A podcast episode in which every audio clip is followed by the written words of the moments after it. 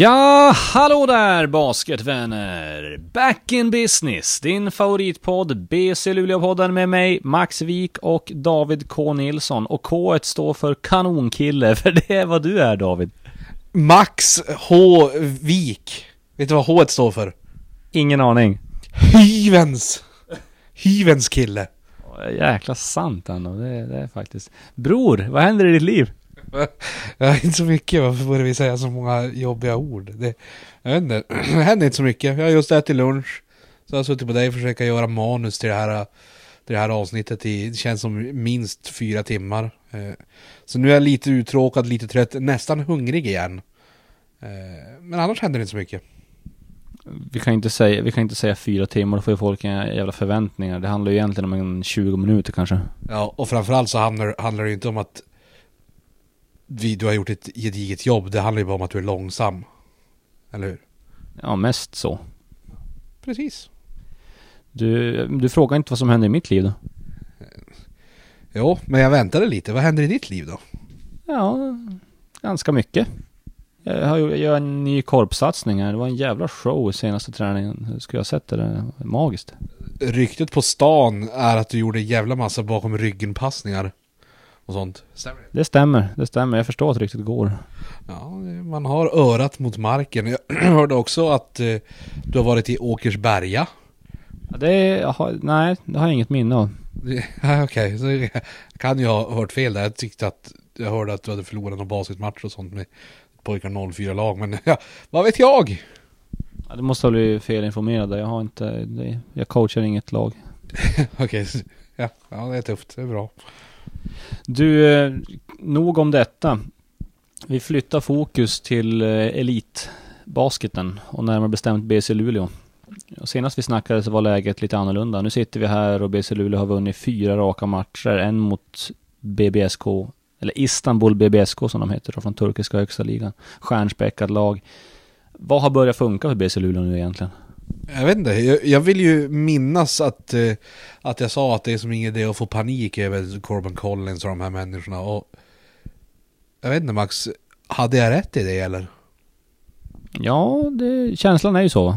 Ja, känslan är så. Nej men, det är, det är svårt att säga så här hur mycket som har lossnat i spelet. Men det är klart, jättemycket har ju lossnat tack vare att Corbin Collins är eh, på en hot streak kan man väl ändå säga. Eh, har väl gjort 26-28 poäng de senaste matcherna och så här. Eh, så det ser ju bra ut, och då blir det ju lättare att spela och, och laget var jättebra mot Jämtland igår. Många bitar var bra. Både, både Thomas Mosamba och Corbin Collins och även Gilchrist hade väl några ljuspunkter och sådana grejer. Så att det, var, nej men det, det ser bra ut. För att inte nämna eh, Tavares T-Shine Shine som gjorde 26 poäng. 5-5 eller något sånt där.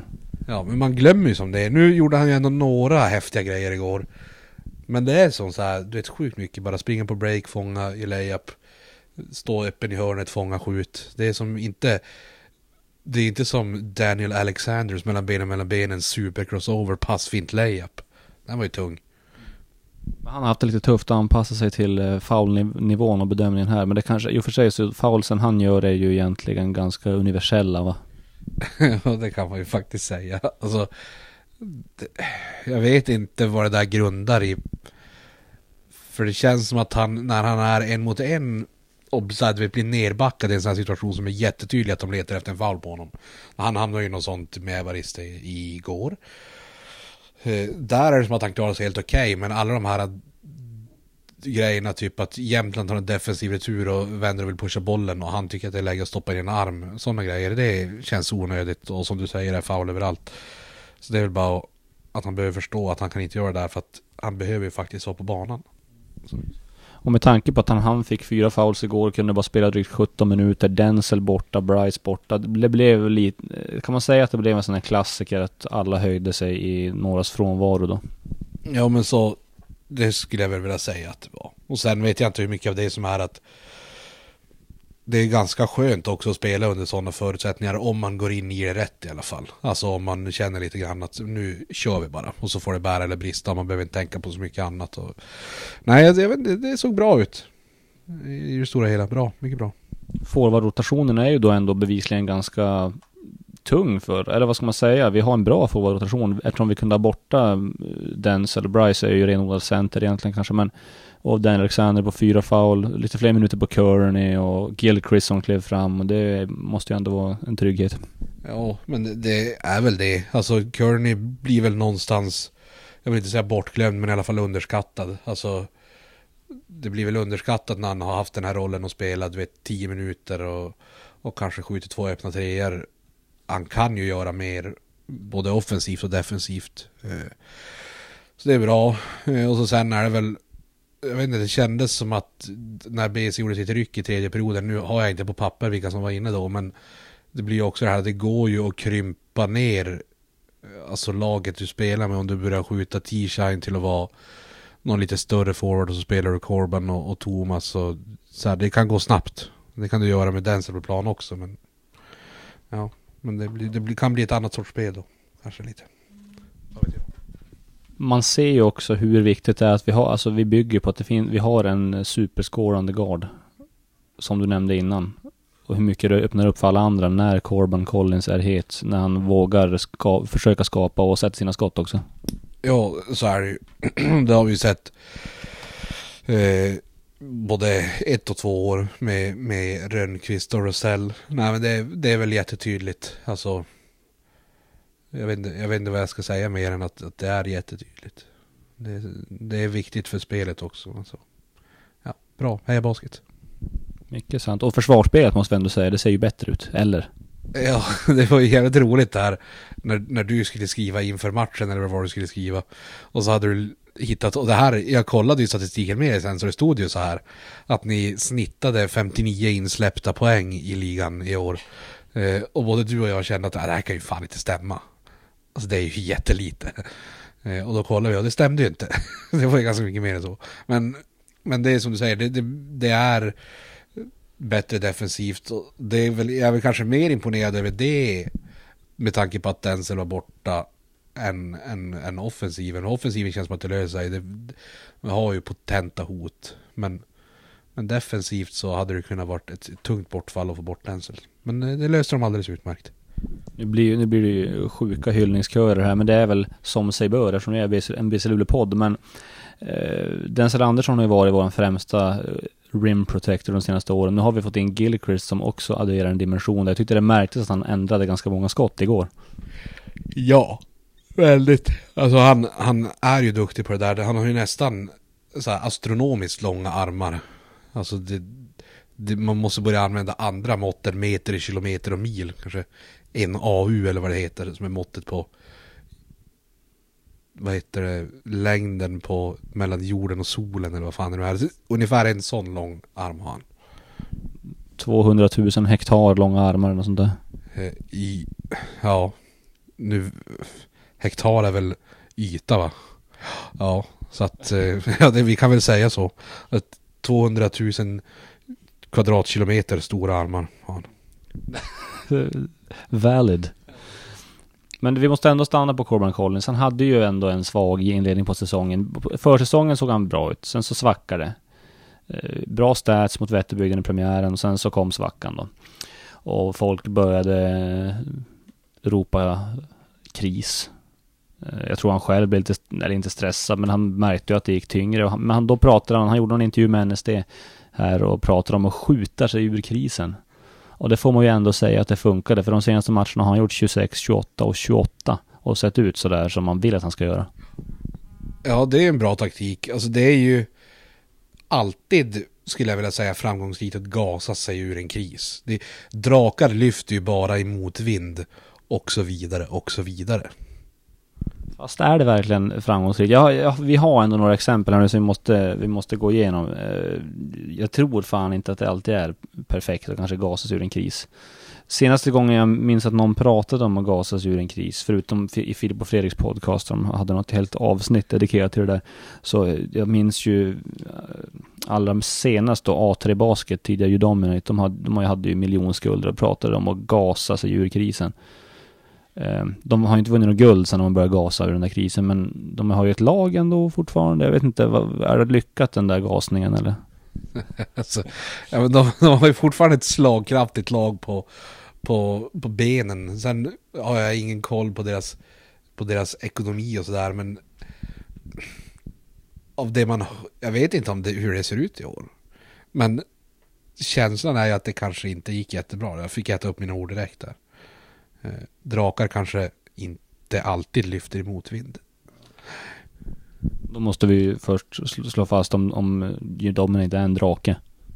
Eh, ja, jag, I den här liknelsen är de väl det. Vad skulle de annars vara? Ja, det är de väl. En sten. Oj, det var ganska hårt. Ja, nej men okej. Men jag, jag säger drake. Men att den kanske ligger kvar på marken. Men du vet, den så här är lite i motvind och så... Så lyfter den en decimeter. Och så sen, äh, marken igen. Fan. Så att där, där någonstans kanske de är. Något sånt. Den här då? Brett Nelson, amerikan. Spelade i Plannja säsongen 03-04. Han var ju sjukt lovordad och hypad. Kom från Florida Gators där han var en, typ en bärande spelare. Uh, alltså han, han kom till Plannja och sköt som djävulen. Men han släppte in ganska mycket bakåt också. Lö löjliga mängder och, och hans svar på det var ju att skjuta ännu mer. Jag tror han gjorde 45 poäng eller sånt där i sin sista match och sen blev han hemskickad efter det.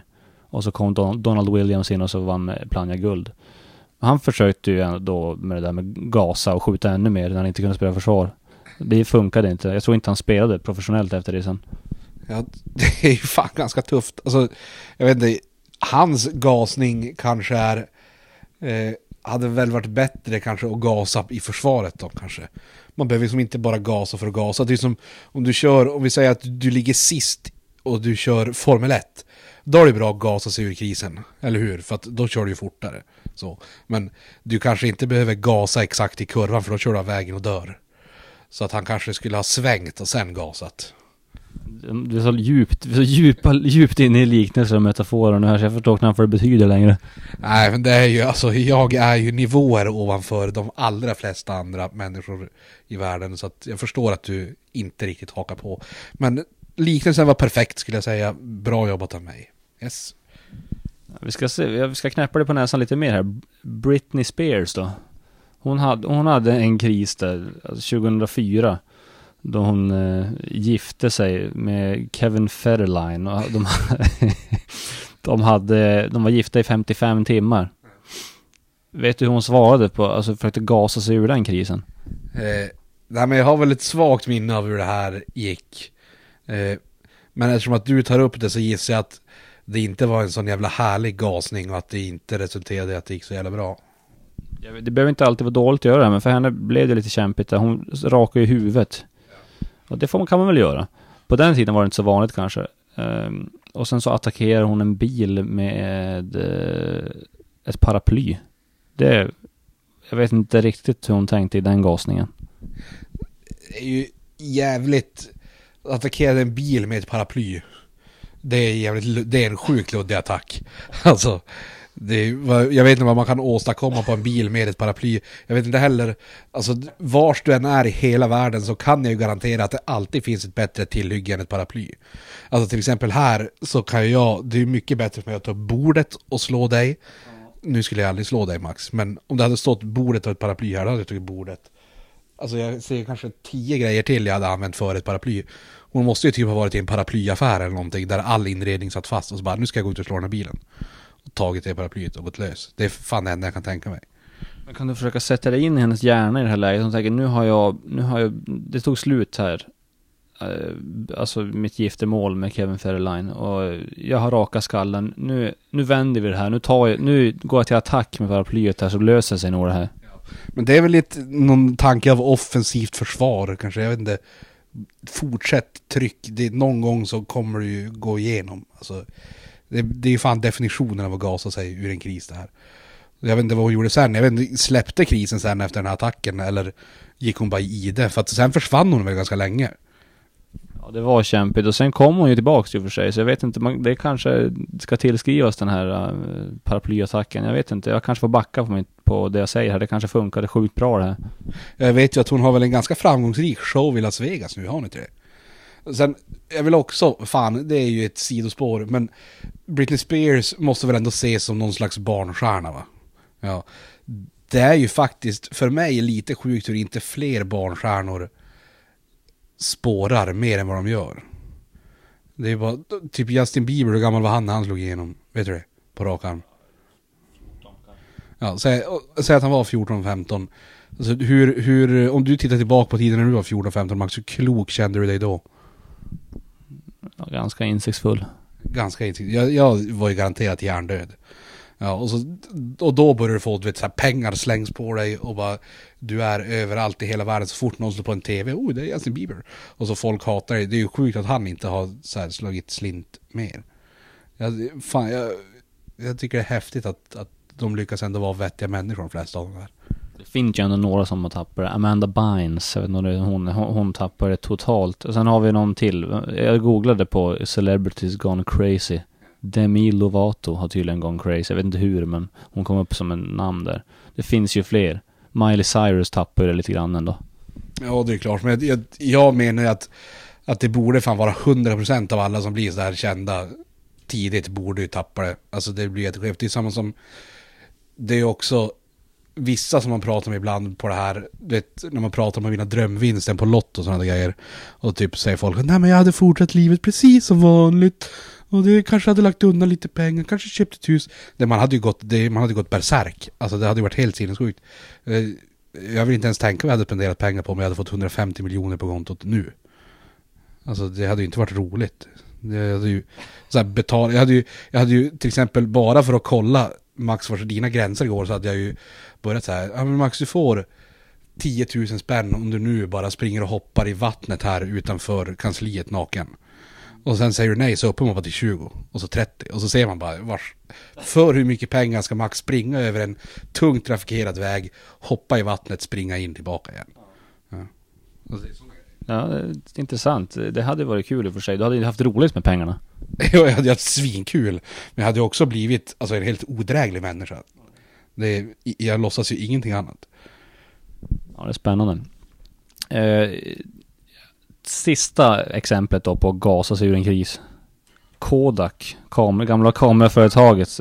Kanske känner igen dem mest från uttrycket Kodak moment. Eh, de var ju lite sena på bollen med det här med digitalisering. Eh, men de, sen gjorde de en, eh, ja, det började gå lite tungt för dem och så gjorde de en sjuk satsning på digitalisering 2007 och släppte en av de bättre reklamfilmerna man, man har sett ändå.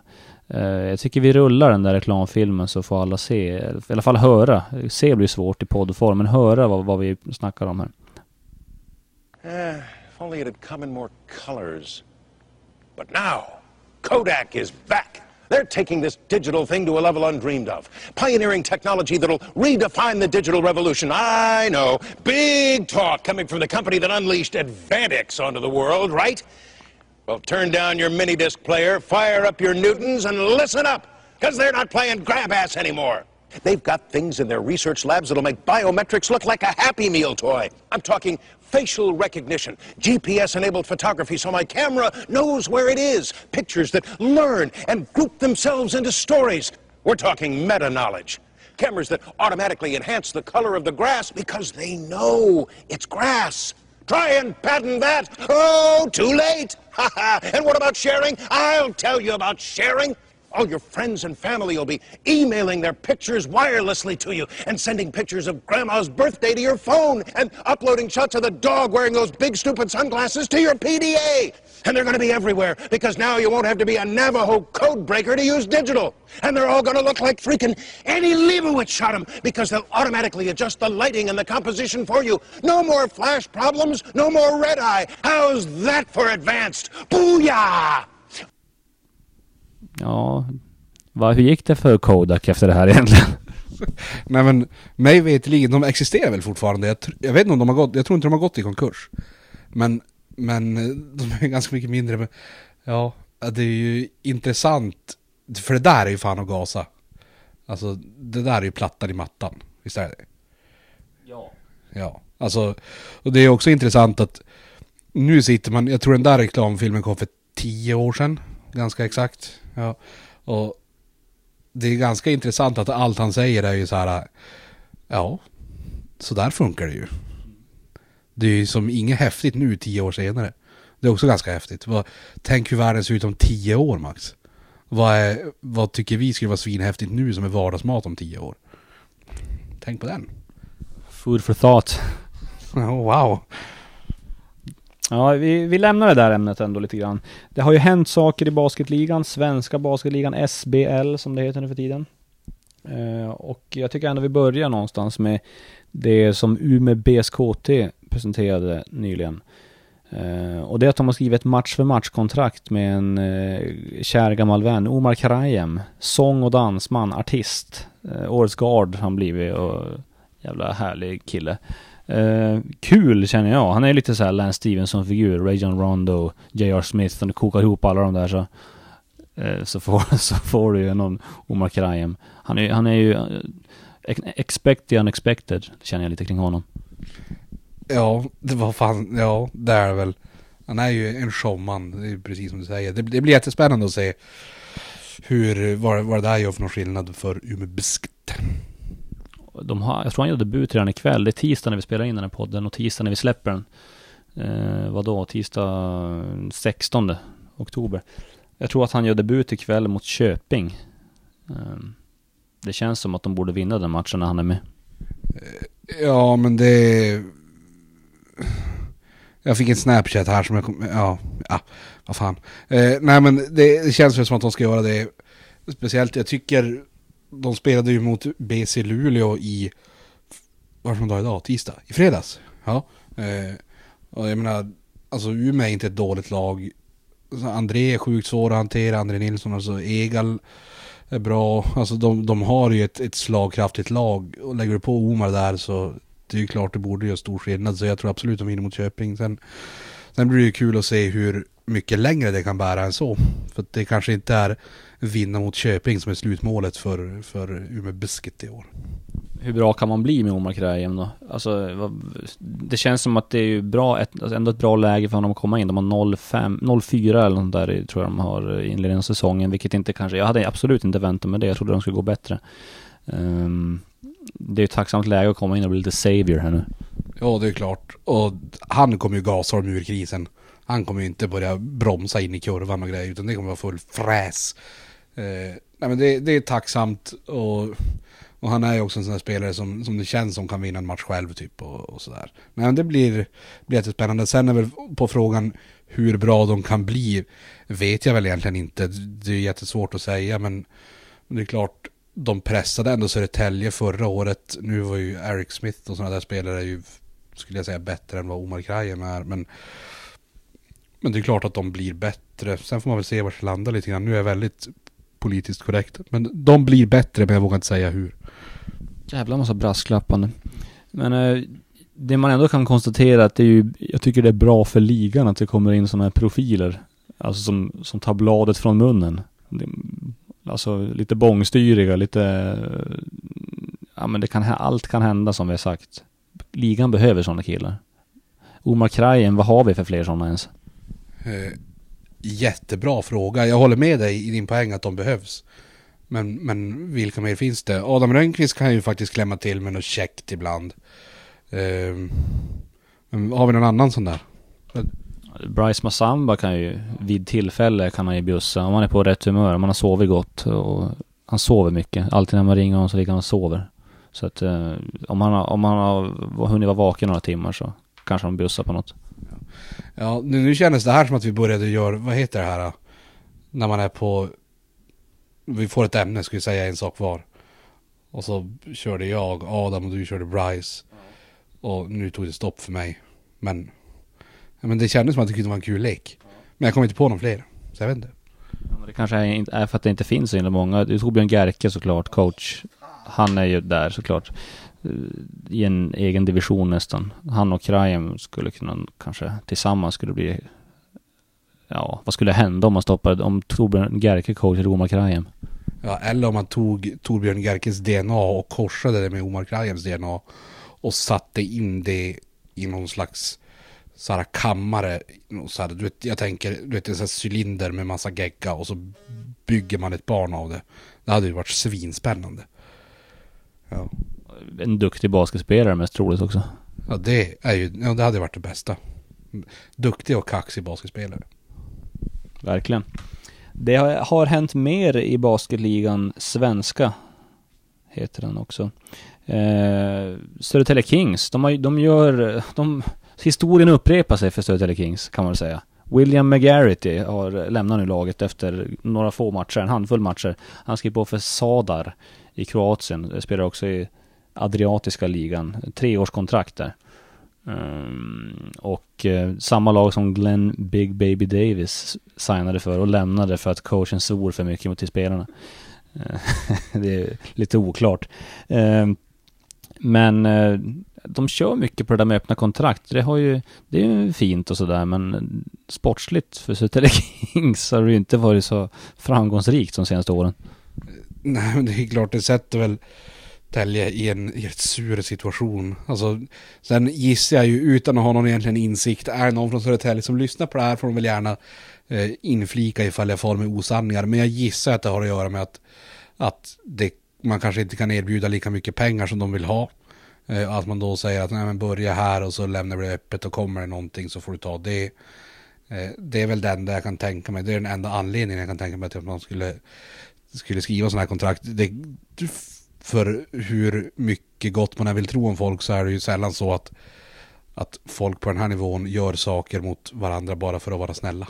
Eh, så nej men jag, jag vet inte, jag skulle väl tro att det är något sånt där att man kan inte erbjuda riktigt de pengar som de vill upp i och så. Får man erbjuda annat. Och, men det är ju, det är som du säger, det är inte så att Södertälje vinner på det. Annat än att det ser bra ut att de skickar ut folk i Europa hela tiden.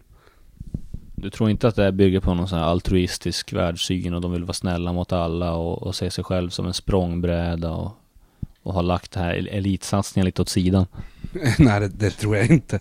det, nej, det, det, känns inte som att det är så man bedriver verksamhet på elitnivå. Tyvärr, kanske. Jag vet inte. Det har ju hänt några gånger nu ändå. Vi, Adam Ramstedt, ganska nyligt. Eh, Nick Spires. Tobias Borg. Nu William McGarrett, har det varit någon fler? Jag kommer inte ihåg. Ja, du brukar ändå vara ett uppslagsverk i såna här grejer så jag kommer inte på någonting som, som du inte har sagt. Alla de där namnen hade jag i huvudet. Kan vi ju säga. Det låter ju smart. Men nej, jag tror inte det är någon annan. Men det är ju jättemånga namn och jätteduktiga namn. Alltså det är inte som att det försvinner några dussinspelare därifrån. Utan det är ju folk som är tänkta som stöttepelare i lagen varje år känns det som, som försvinner. Så det är ju det är klart det är tufft. En stor anpassning att göra mitt i säsong och sådana grejer. Vi får se hur det går. Jag menar i fjol då gjorde det då var ju Tobias Borg försvann ju sist där och då tog de in eh, Rudy Memba istället och det blev ju inte riktigt samma succé som de hade kanske hoppats på. Nej, det känns väl också rimligt. Kanske inte bara för att Rudy Memba ändå haft lite problem med, med skador och sånt utan en sån där rokad sent alltså, alltså mitt i en säsong är väl aldrig lätt att göra. Det spelar väl ingen roll vilka spelarna än är. Eh, så nej, men det, är, det är ju ingen, eh, kanske inget segerrecept skulle jag säga att det är för Södertälje. Ja, det är fint, men eh, vi får se vad de, vad de kan vaska fram. De har haft en riktigt bra start på säsongen, Södertälje. Eh, så att det kanske löser sig ändå. Men William McGarrity har ju visat sig vara en jätteduktig spelare springer exakt som Jan Rosendal också. Det är lite, lite kusligt. Det, den reflektionen har jag inte gjort. Men och sen är det väl också ytterligare en grej i det här är väl, nu vet jag inte hur de där kontrakten ser ut, men det kanske kloka skulle väl vara att typ låsa det till vissa ligor och säga att typ om han skulle få ett kontraktsförslag från spanska högsta ligan eller något sånt där skulle han få fara. Men för att de skriver ju alltid, det här är ju ingen hemlighet, nu tänker jag på högt, de skriver ju alltid med sådana här spelare som man vet kommer vara bra och bärande. Eh, och jag menar, är det ett sånt där lag som, som nu Sabbar eller vad de heter till exempel ser att ja, det har gått bra för Södertälje, det har gått bra för Herr Garrity. Vi har just fått kicka någon eller någon har dragit. Eh, han har ett öppet kontrakt och får jobba vad han vill, ja men då tar vi honom. Alltså, ja, de, de sätter sig i den där sitsen själva lite grann. Visst är det så. Vi måste ändå nämna också, jag vet inte hur länge, vad vi har att säga om det riktigt, men Norrköping, Dolphins har ju plockat in eh, Andreas Persson också på ett korttidskontrakt nu när John L. Smith är skadad.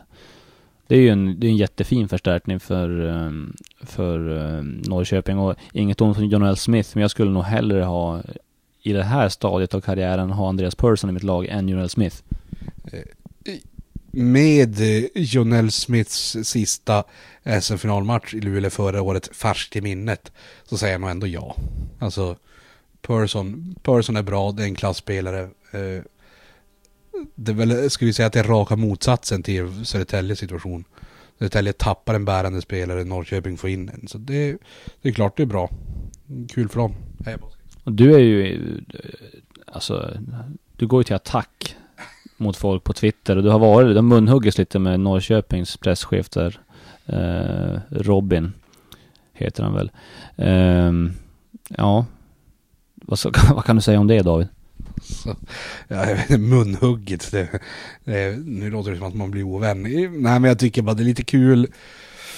Eh, det, det är väl framförallt här uppe som, som eh, det alltid blir lite härlig stämning när andra lag säger att BC Luleå har så astronomiskt mycket större lönebudgetar än vad alla andra har och, och vissa andra, det låter ju i vissa klubbar som att spelarna betalar för att för att få äran att få spela för vissa andra lag. Eh, och så lyckas man ändå ro ihop sådana här grejer. Eh, och sen förstår jag ju som, som Robin sa, det är ju inte alltid pengarna som talar. Nej det är det inte men ja, det är ändå kul tycker jag att man lyckas lösa man hittar en fikakassa någonstans och så oj, Andreas Persson.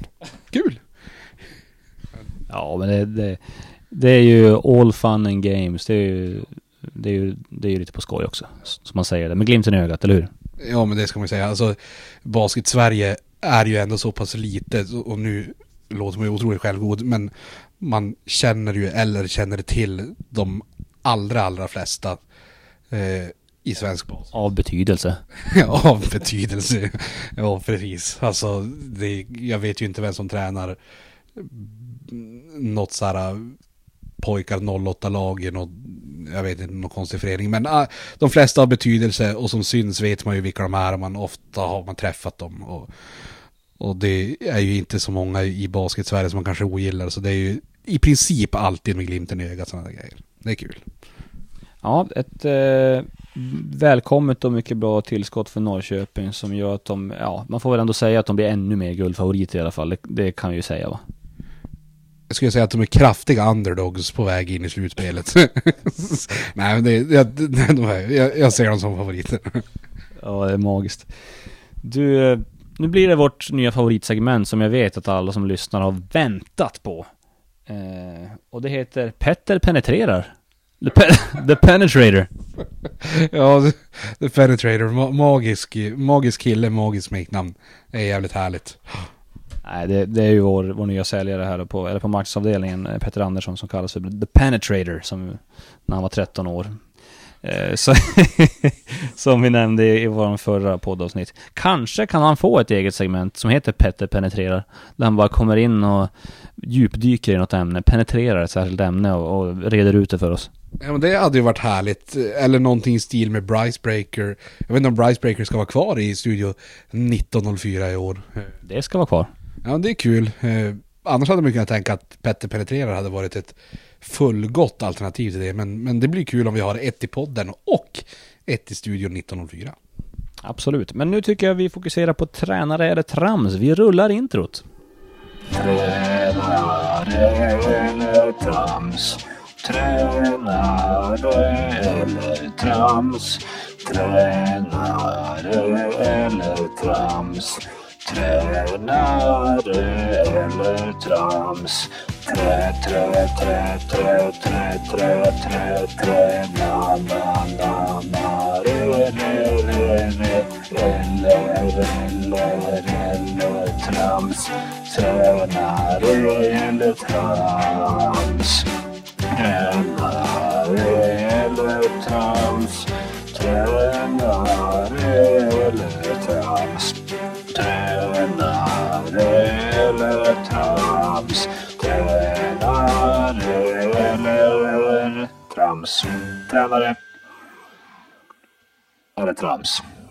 Alltså, känslan när man hör det introt, det, det, det är som att någon kittlar mig över hela min kropp liksom.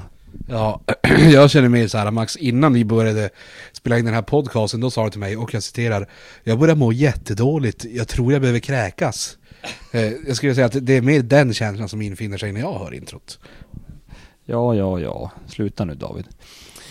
Tränare eller trams, det går ut på följande jag läser upp ett citat. Jag har skannat av, jag har dammsugit internet på aktuella tränarcitat från tränare i svenska basketligan. Och eh, slängt in några citat som absolut inte hör hemma inom eh, svenska basketligan. Du ska gissa vem som sagt vad och varför. Eh, eller inte varför, men vem som sagt vad.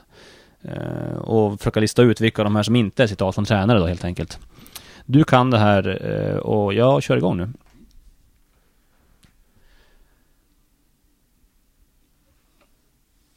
Den här matchen visar att vi har svag nivå på vår psykiska förmåga. De ville mer, de var tuffare, de spelade försvar. Det gjorde inte vi. Vem? Det här var Torbjörn Garke igår. Eller var det inte det? Jag, det är ju en baskettränare, det gissar jag att det är. Och jag gissar specifikt på att det är Torbjörn Garke från igår. Pling, pling, pling. Jag hade kunnat lägga till en ljudeffekt, jag kanske gör det också, men, men där, det var rätt ja. Fy fan, alltså jag, jag är ju, utan att överdriva, är ju min hjärna som något slags Google. Jag är ju ett uppslagsverk utan dess like. Jag är ju ofelbar. Skulle vilja citera en gammal Kvarteret Skatan-sketch där de pratar om att du har bajs i huvudet. Alltså, det är som om ditt, din, ditt huvud är ett tomt skal runt en bajskorv. Lite så. Ja, det, Kvarteret ska otroligt ouppskattat program känns här i efterhand. Det är de som också pratar om de har pratat om mycket men ja, vi kanske inte ska ta upp just det jag ville ta upp. Men, ja, men det, är, det måste jag fan titta på något avsnitt när jag kommer hem. Bra, tack Max. Och så lite så. Okej, den, här, är- den här är svår. Det är en tuff... Det är en tuff uppgift såklart. Tupp uppgift. Är det det Max? Är det en tupp uppgift? Så jävla dålig. Kör, nu får du fortsätta. Ja, men jag kör den en gång till. Det är en tuff uppgift såklart. Oj, det är det enda jag får. För dig är det en tuff uppgift. Det är en tuff uppgift även... Eh, fy fan vad intetsägande. Du hade ju också bara kunnat ta ett citat som är typ ja. Så här, någon som svarar på en ja eller nej fråga. Är det här en baskettränare eller är det något helt annat? Eh, jag gissar... Eh, vad fan, jag gissar att det är en baskettränare. Jag gissar att det är en baskettränare. Vilken baskettränare tror du då? Eh, jag skulle kunna tänka mig att det är någon slags baskettränare inför något Europaspel eller ett slutspel. Eh, och så, så säger vi bara Peter Ökvist inför Istanbul och det här. Det är ju löjligt nära. Det är Peter Ökvist in- inför Jämtland borta. Men han kan ju uppenbar- alltså han kan mycket väl ha sagt så här om, eh, om Istanbul-matchen också. Det har jag inte kollat. Ja, jag, faktiskt så gjorde han det. Jag, nej, jag vet inte, jag har ingen aning. ja, men jag, jag är ju overkligt smart. Okej, nu kommer det, det blir svårare. Bra jobb killar. Jag gillar den här känslan efter matcher. Fortsätt med den. Men va? Ja, det här det här är ju, det är ju en tränare. Du kan ju inte ta med sådana där citat. Ja, fan vad jävla dumt. Jag tänkte inte på det. ja, nej, Jag skulle ha bleepat lite. Ja, det kanske du skulle ha gjort. Då är du ju en baskettränare om du inte har tagit samma sak som förra gången. Om du inte har tagit med så här en amerikansk fotbollstränare eller någonting. Men det får vara en baskettränare. Ja, men vem då? Får jag höra citatet igen? Bra jobb killar. Jag gillar den här känslan efter matcher. Fortsätt med den. Eh, kanske Dennis... Nej. Jag vet inte, jag vill säga Torbjörn Garke. Eller något sånt där. Kanske inte efter igår. eh, någon som känner... Ja. Jag vet inte. Jag har ingen aning. Jag har ingen gissning på det här faktiskt. Precis som förra gången så är det Vednan Boschuk. Ef- Efter en oklar match i Schweiz. Ja, Okej, fan. Ja, men det skulle jag kunnat gissat. Men det kändes som att han... Han skrev det här på engelska eller? Ja, guys. Ja, jag tänkte killar. Det kändes... För det lät inte som... Jag tänkte vädra, men det låter... Vädran känns inte som att han använde killar. Ja, men ja, det borde jag fattat. Dåligt av mig. Bra jobbat Max, jag lurar mig. En liten lurendrejare. Okej, nu här då. Mina fingrar är långa och vackra. Precis som det blivit dokumenterat. Även andra delar av min kropp är. Men du, jag tänker bara på er människa när jag hör det här. och, alltså, det, det var ju, för det var ju lite, i presidentvalet i USA så var det ju lite diskussioner om olika storlek på kroppsdelar där händer var ett fokus och någonting annat var ett annat. Jag får säga att det är Donald Trump i, i presidentvalskampanjen senast. Så du är ju så sjukt mycket on fire nu, det stämmer. Alltså jag är så jävla bra! Va? Det är helt sjukt. Har du tre av fyra nu eller? Jag skulle säga det. Alltså 3-4, ja, det är bra. Okej, sista. Träna dig själv att släppa taget om allt du är rädd för att förlora. Oj. Eh, det här lät också, det lät för djupt för att vara en baskettränare. Eh, så då, ja, men, och då blev det ju genast mycket svårare för att det finns ju fler andra folk i världen än baskettränare liksom. Förstår du? Ifall jag gör en klump med baskettränare och en klump som är alla andra i hela världen. Så är ju klumpen alla andra i hela världen större än baskettränarklumpen. Är min kvalificerade gissning. Jag vet inte, jag kan tänka mig att det är någon sån här, kanske inte Gandhi, men något sånt. Det var ganska djupt ändå. Och bara för att jag säger så så kommer det vara någon så här jätteflippad Charlie Sheen. Charlie Sheen säger vi att det är.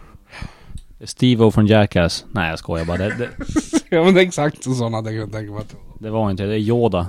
Från eh, Star Wars. Nej. Så, och det är dåligt, det borde jag känt igen. Där, där fan fick du mig. Bra Max. Du är ju någon självutnämnd Star Wars-expert för fan. Ja, men då är det också så här, du kan ju inte ta ett Yoda-citat och byta det till engelska och stoppa meningsbyggnaden ordentligt. Men det, det var faktiskt så exakt sådär. Jag översatte det bara direkt. Men jag hade kunnat läsa det så här. Train yourself to let go if you're afraid of losing uh, everything. Nej, det där är inte ett Yoda-citat. Eh, fy fan, då är det från de nya filmerna i sådana fall. Ja, nej, det var dåligt skrivet av manusförfattarna i Star Wars. Dåligt gissat av mig. Tre av fem får du ändå vara helt okej nöjd med. Jag tycker vi ska nämna innan vi avslutar podden att det på söndag ju är hemmamatch mot Borås Basket 16.04 i Luleå Energi Arena. Det kommer bli en härlig fight tror jag. Mycket fart och tempo i Borås Basket och eh, du sitter och skrattar. Jag förstår inte riktigt varför. Jag kan inte sluta tänka på Donald Trumps jävla... Alltså. Förstår du att han, han vann presidentvalet på att gå till val, att han hade långa fina fingrar och grejer. Det är så jävla sjukt. Fortsätt prata om jämt. Och det är även dokumenterat att andra delar av hans kropp också är långa och fina. Så det är så... Och jag verkligen vill att så här Stormy Daniels eller något, vad fan alla nu heter, släpper den och... Och herregud, ja, det- det är helt bisarrt. Vad lever vi för någon värld, Max? Men det blir inte lätt mot Borås på söndag. Det blir det inte. De har ju haft några bra fighter, haft några tuffa. De möter Norrköping ikväll också. Återigen tisdag är det. Eh, 16 oktober. Eh, Och de har vi på söndag. Alltså det känns som att eh, vinner vi den, då känns det som att vi är på väldigt på rätt spår. Väldigt, väldigt på rätt spår. Eh, torskar vi den så är det alltså, jag menar det är ju inte någon superskam idé. Det är ju ett jättebra lag. Ja, Ja, så är det väl. Borås ska vi också tänka att de skjuter ju många långa fina treor. Så, eh, nej men det... Och även dokumenterat att de, skjuter, de skjuter många långa fina andra saker också. Ja, exakt. Nej, det är bra. Alltså, det är som du säger, det är en, en svår match mot ett bra lag. Eh, Det, det blir kul. Det är ju alltid roligt att se offensiv basket, springa upp och ner, skjuta mycket. Sånt hets, det är bra. Så vi hoppas på att det blir fullt ös på läktaren då på söndag helt enkelt. Söndagsmatch är inte alltid kanske eh, bästa förutsättningen för att få bra med folk. Vi gillar ju fredagar, vi här i Luleå. Men eh, ja, vi ska göra det bästa vi kan av söndagen. Det kommer nog bli härligt det där också ska ni se. Ja, och sen vill jag också slå ett slag för att ifall nu matchen skulle vara svintråkig eller om man kommer tidigt, då kan man faktiskt gå över till Luleå Energi Arenas B-hall. För att i B-hallen 15.00 då spelar Luleå Basket Ungdom mot BK Höken. I division 2. Det blir nog en jävla holmgång det där. Det blir superspännande. Hörrni, vi säger tack till alla er som lyssnat. Och eh, jag heter Max Wik. Med mig har vi haft David K Nilsson och K står för kärleksfull. På återhörande.